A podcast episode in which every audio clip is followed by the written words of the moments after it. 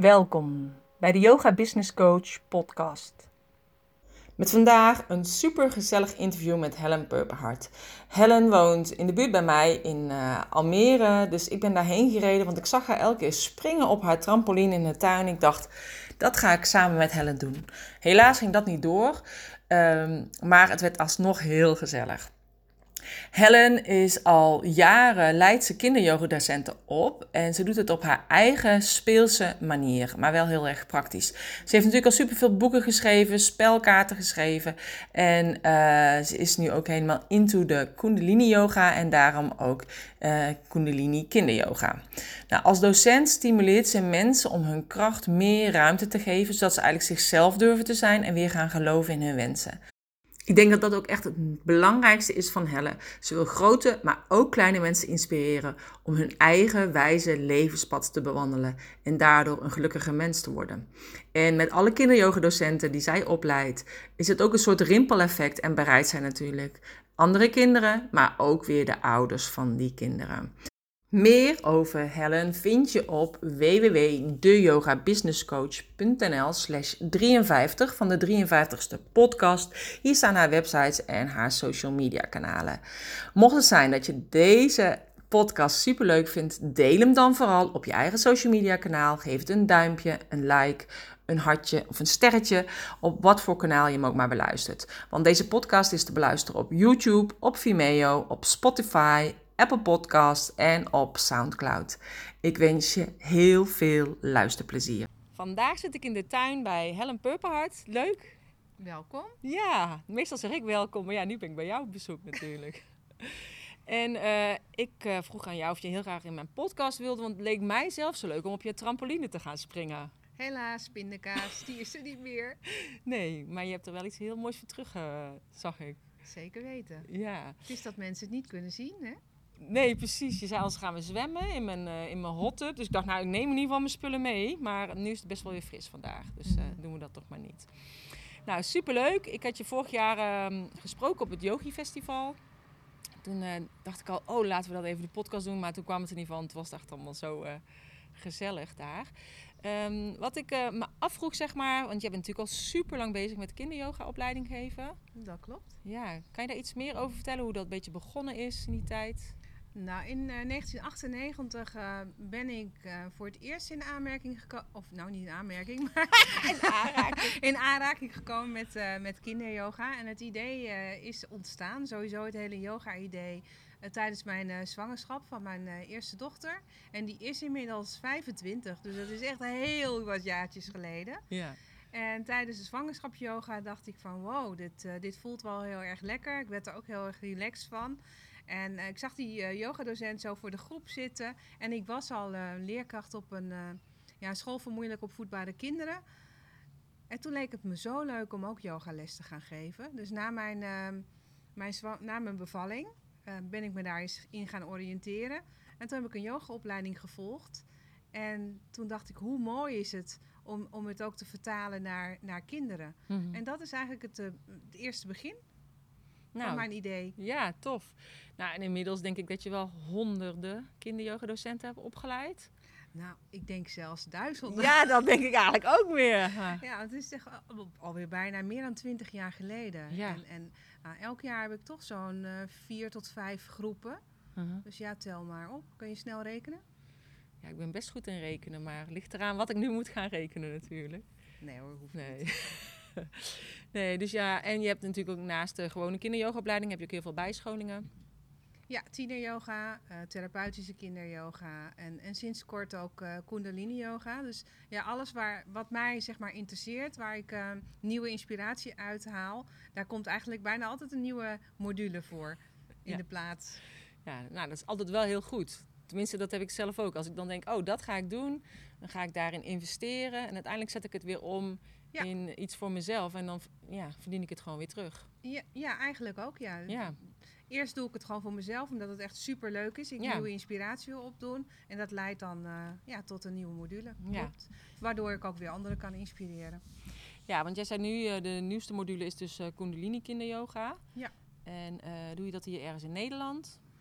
Ehm, ik volg de Kundalini Yoga opleiding eh, in Oostenrijk. Daar ben ik ehm, alweer bijna twee jaar geleden begonnen met een, eh, een specialisatie uh, Kundalini Yoga voor kinderen. En dat vond ik zo leuk. En die teachers die vond ik zo leuk dat ik, dat ik me eigenlijk direct heb ingeschreven voor level 1 en ook level 2. Dus voorlopig tot 2021 ben ik nog wel even bezig. Blijf je nog bezig met de Kundalini? Ja, ja. ja. maar het, het, is echt super tof. Het haalt mij echt uit mijn comfortzone. En ja, dat heb ik ook wel nodig om, uh, om weer even naar, naar next level te gaan. Uh, nieuwe dingen te leren. Uh, ook mezelf weer tegen te komen. En ja, ja, leuk. Ja, nee, dat klopt. Dat vind ik ook. Want ik, had dat, ik heb dat bijvoorbeeld ook gehad toen ik gewoon heel veel yogaopleidingen heb gehad. En toen dacht ik, ik wil ook een keer weer wat anders. En toen ben ik me juist ook meer gaan verdiepen bijvoorbeeld in de meridianen. Omdat ik oh dat ook eigenlijk nog niet kende vanuit de Hatha Yoga. Uh, om ook elke keer weer inderdaad iets te kijken van uh, welke richting kan ik nu op gaan.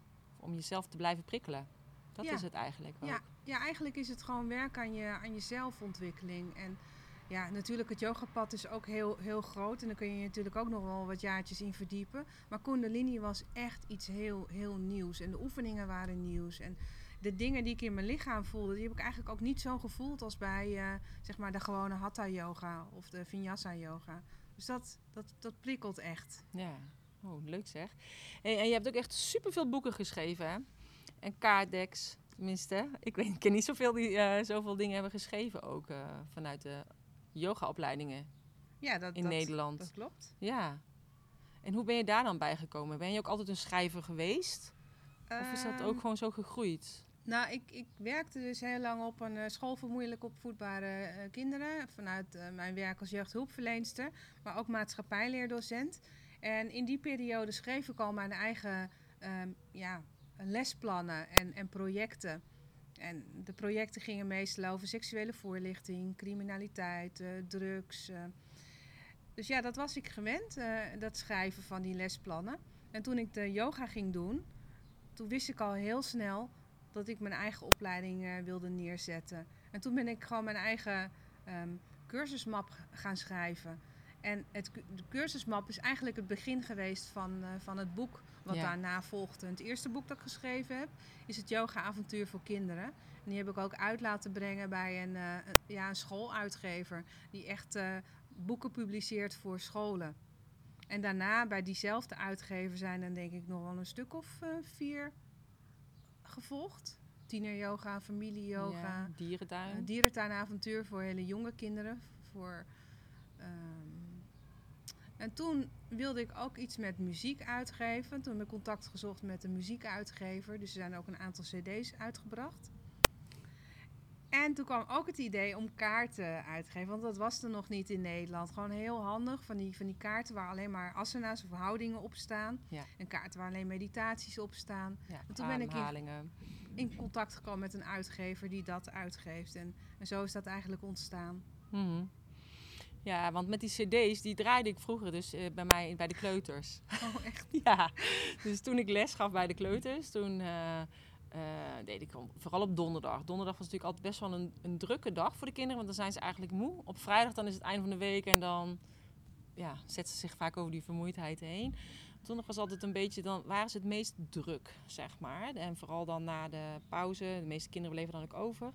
En uh, ja, in het begin, kijk, daarna deed ik natuurlijk wel eigen geleide visualisaties. Maar in het begin, toen ik nog helemaal geen kinderyoga-opleiding uh, had gedaan, deed ik dus jouw cd opzetten. En toen had je het oerwoudavontuur. Ja, volgens mij wel. En het grappige was, ik had echt één kleutertje. Ja, inmiddels is hij natuurlijk ook al 18 of zo, die jongen. Maar uh, die zat zo en die, die viel helemaal in slaap. Die viel helemaal zo oh, om, God. zo poef. ja, dacht ik, oh gossie, ze zijn soms echt moe. En um, ja, en toen dacht ik ook van, ja, ik wil heel graag uh, inderdaad een kinderyogaopleiding uh, Naar aanleiding van die cd? Of nee, van de cd's, maar ik had zelf al een yogaopleiding gedaan. Dus ik deed heel veel in de, in de speelzaal met okay. hun. En uh, nou ja, toen ben ik dus de kinderyogaopleiding gaan doen. En um, ja, toen dacht ik, oh, het is gewoon veel meer dan alleen maar houdingen. Of... Ja, en de, de vergissen heel, heel veel mensen ja. in. Die denken dat van, had oh, ik niet ja. in de gaten. Dat klopt. Want je krijgt natuurlijk ook met uh, gedrag te maken van kinderen. En, en nieuwe inspiratie, uh, de groepsdynamiek. Ja, het is niet alleen de houding, ook de meditatie, de massage. Ja, massages, maar ook zintuigoefeningen of uh, luisteroefeningen. Dat je even luistert gewoon naar uh, triangel, hadden we dan in de klas bijvoorbeeld. Of, uh, of ik nam een klankschaal mee, dat ze alleen al de trillingen voelden van de klankschaal. Dat zijn gewoon echt al dingen die ze echt heel erg leuk vonden. Maar daar had ik van tevoren helemaal niet bij stilgestaan om dat te kunnen doen. Nee. Dus en um, ja, en dat is natuurlijk ook het idee wat je dan hebt van, oh je gaat dan houdingen doen.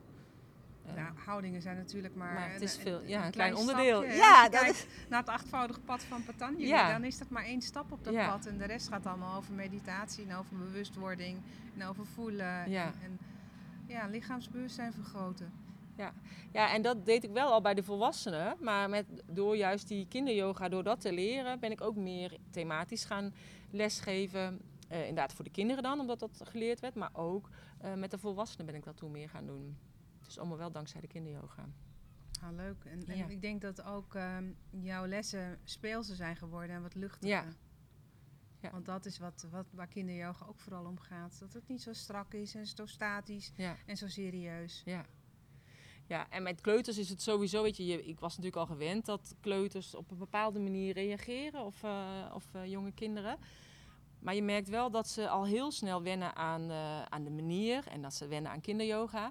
Dat als dan iemand anders zei, mijn collega van Goh, kan je het bij mij ook even doen voor de groep, was het echt totaal anders. Want die, die deden het dan allemaal weer voor het eerst. Ja. En ehm, ik weet ook dat ik bijvoorbeeld kleuters had die dan bijvoorbeeld doorstroomden naar de middenbouw. En dan waren ze altijd heel blij met mijn kleuters, want die konden dan masseren. Oh ja, die Dus hadden- dan gingen ze soms de juf inderdaad masseren, even als het eh, tien uurtje was, zeg maar, eh, in de middenbouw. dacht ze, oh heerlijk. We hebben een kleuter van Corine, die weet hoe die dat moet doen. Ja, die kan zelf wel voor de groep gaan staan. Ja. Dat zijn eigenlijk de, de yogaleraren van de toekomst. Ja, precies. Dus eh, nee, heel leuk. Dus, en, ehm, dus jij bent nu zeg maar meer gaan ontwikkelen richting de Kundalini. Dat ga je dus ook doen voor de kinderyoga. Heb je nog meerdere grootse plannen? Of denk je nou, dit is voorlopig voor nu wel even voldoende? Nou ja, dat Kundalini, eh, daar ben ik voorlopig nog wel even mee, eh, mee bezig. Want het zijn vrij intensieve weken. En eh, de opleiding doe ik in Oostenrijk. En ja, dus voorlopig heb ik even geen andere opleiding of wat dan ook ertussendoor. Ik focus me nu daarop. En verder, mijn opleidingen, die starten dan weer in het najaar. Mhm. Dus ja, Nou, dus je blijft in ieder geval altijd wel bezig. En ehm, kijk, jij, ik zie jou dus heel vaak springen, hè, bijvoorbeeld op die trampoline, die er dan dus nu niet meer is. Helaas. volgens mij mis jij de Ja, trampoline Ik, echt, wilde, hè? ik kwam voor de Je trampoline. bent echt een beetje teleurgesteld dat hij er niet meer is. Nee, dus ik zie jou springen op de trampoline of soms in plassen water en zo. Dus jij zegt van ja, jij, jij wil graag nog steeds die pipi blijven, die zit altijd al in jou. Maar is dat altijd zo geweest? Of is dat nu juist meer versterkt door die eh kinderyoga eigenlijk? Eh, nee, als ik eh, mijn moeder hoor praten, dan vertelt mijn moeder dat ik vroeger als kind ook al een beetje de kar trok in de straat. Ik was altijd degene die dingen bedacht van kom laten we een speurtocht doen. Ja. Of een stoppetje spelen of een fietstocht door de buurt of eh eh, sneeuwballengevecht houden. Dus dat deed ik als kind ook altijd. En, en al die ideetjes die vertelde ik dan aan mijn vriendjes en vriendinnetjes of mijn broertjes en zu- zusjes. Want ik kom uit een gezin met ehm, twee broertjes en een, eh, en een zus. Dus wij waren al met z'n vieren. Dus Ja. er hoefden nog maar een paar kinderen van de straat bij. En dan had je al een groep waarmee je eh, iets leuks kon doen. En dat is eigenlijk mijn hele leven al ingebleven. Ja. Toen ik op, ehm, op die eh, school ging werken, bedacht ik ook allemaal nieuwe projecten. En dan, ja, dat, ik vind het gewoon leuk om creatieve nieuwe dingen te bedenken. En dan eh, anderen te inspireren of met elkaar gewoon plezier te hebben. Ja, Dus niet alleen dat ik het voor mezelf bedenk, maar ik wil gewoon plezier hebben. met ook die met, anderen. eh, ja. met, eh, met anderen. ja. Dus dat heeft er altijd in gezeten. Dat, ja, hoe, hoe noem je dat? Orga- organiseren of Ja. dingen, dingen bedenken. En nu zie ik het ook als ik cursus geef. Ja, dan, dan voelt het bijna als een, een feestje of zo. Ja. Met elkaar gewoon de hele dag eh, ehm, leuke dingen doen, maar ook jezelf ontwikkelen Ja. en ook leren. En, en ook wel sommige dingen, ook wel dat je uit je comfortzone komt. Of dat het je doet herinneren aan je eigen kindertijd. En Ja. voor sommigen is dat, kan het pijnlijk eh, ook zijn, die herinneringen. ja, ik vond het echt ook een cadeautje aan mezelf, zeg maar. Zo'n, eh, Die eh, opleiding ja. toen. Ja. Ja, dat hoor ik heel vaak. Dat, dat vrouwen de opleiding doen. Dat ze in eerste instantie eh, eh, zoiets hebben van... oh, dat wil ik graag overbrengen aan kinderen. Maar in de opleiding dat ze denken van... nou, nee, eigenlijk zit ik hier gewoon voor mezelf. En ik zie wel Ja. wat er straks uit gaat komen. Maar dit heb ik in ieder geval al Ja. voor mezelf cadeau gegeven. Nee, ik vond het inderdaad ook een cadeautje. Ja, en ik denk wat jij dus vroeger deed, is dat je mensen echt, de kinderen uit je wijk mee op avontuur nam. Dat Ja. doe je eigenlijk gewoon dus nu nog steeds. Ja, alleen nu Ja. eh, naar Ja. het oerwoud eh, of naar de maan of eh, op de boerderij. Of Of onder water. ja, welk avontuur dan, dan ook. Ja. En ik word steeds ook nog geïnspireerd hoor, door cursisten die weer gewoon een eigen avontuur bedenken. Dat ik denk van, wow, dat kan ook nog. Daar had Ja. ik zelf ook nog nooit aan gedacht. ja, dat is wel mooi, dat je natuurlijk allemaal verschillende mensen krijgt. Met allemaal andere achtergronden. Ja, Ja. En eh, ja, daarmee kunnen ze je natuurlijk ook verrassen. ja want die kiezen dan natuurlijk ook een, een, een avontuur of een thema wat dicht bij hun ligt. Mhm. En, en als je dat doet, hè, als je iets kiest wat dicht bij je ligt, ja, dan, dan is het ook echt. En dan komt het ook veel beter over. Ja, dat klopt. Dat is altijd zo. Daar moet je altijd heel dicht bij jezelf blijven met alles en niet een ander kopiëren. Want het werkt Nee. toch niet. Nee, nee, maar dat doen ze wel eens. Dat ze denken van, oh ja, ik ga ook eh, het avontuur op die manier geven. Zoals ik het in de reader heb gedaan. Ja, en dan werkt dat gewoon niet. Nee. Omdat de, de kinderen zeggen van, nou, dat vind ik niet leuk, Ja. de oefening. Of om, omdat je het niet vanuit jezelf kunt Ja. geven. Nee, ik denk dat je moet altijd je eigen drive, je eigen swing eraan geven. En dat had ik op school ook. Ik werkte op een Jenaplan-school. En ehm, als ik dan zelf een knutselwerkje had bedacht, was ik daar helemaal enthousiast over. En waren die kinderen er ook enthousiast over. Soms had je dan wel eens een collega die eh, iets had bedacht. En dacht, nou, dan doen we dat ook. Mhm. Weet je wel? Dan- maar eigenlijk kun je het dan niet zo enthousiast brengen. Nee. En dan merken die kinderen Nee. dat ook meteen. inderdaad. Ja, kinderen hebben van die antennes, hè, Ja. die voelsprieten. En die voelen meteen of je congruent Ja. bent en of het echt is wat je ze vertelt. Ja. En als ze voelen dat het niet echt is, nou, dan gaan ze of lopen klieren, Ja. of ze hebben geen zin, of... eh, Nee, precies. Dus dan kan je beter, als ik inderdaad iets kreeg van een collega, dan een beetje een andere draai eraan geven, dat ik er wel enthousiast over was. En dan is het eigenlijk altijd wel goed. En als jij een yogamat zou zijn, hoe zou je er dan uitzien? Eh, ik denk eh, in de kleuren van de regenboog. ja? Denk ik wel, ja. Of bedoel je de, of hij zacht is, of dat hij hard Ja, is, of dat hij dun of dik is. Ja, Nou, ik wil geen dikke mat. Nee. een slanke mat. Een hele dunne, zo'n 3 mm mat. Ja. ja. Nee, maar wel met regenboog. En is dat dan meer eh, in van met de chakra's of met het avontuur van de regenboog? Of, Nee hoor, gewoon de kleuren. Ik hou van heel veel kleuren. mhm.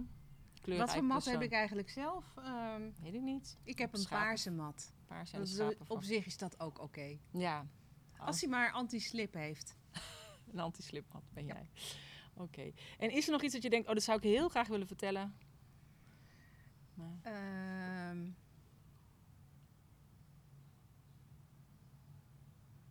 je bedoelt ik een boodschap meegeef aan de ja, dat je denkt, oh, dat wil ik nog heel graag doorgeven. Of dat ben je vergeten Ja, te vragen. Ja, nou ja, ik werk, heel erg met, eh, met innerlijk kind met, eh, met cursisten.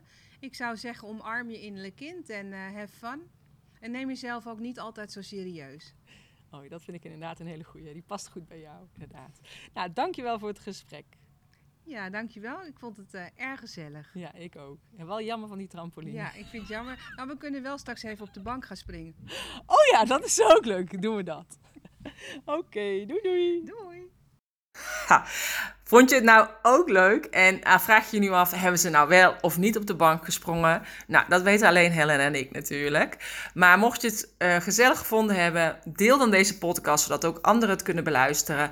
Of geef het een like, een sterretje of een hartje of wat dan ook. En ik wens je een hele fijne dag en bedankt voor het luisteren.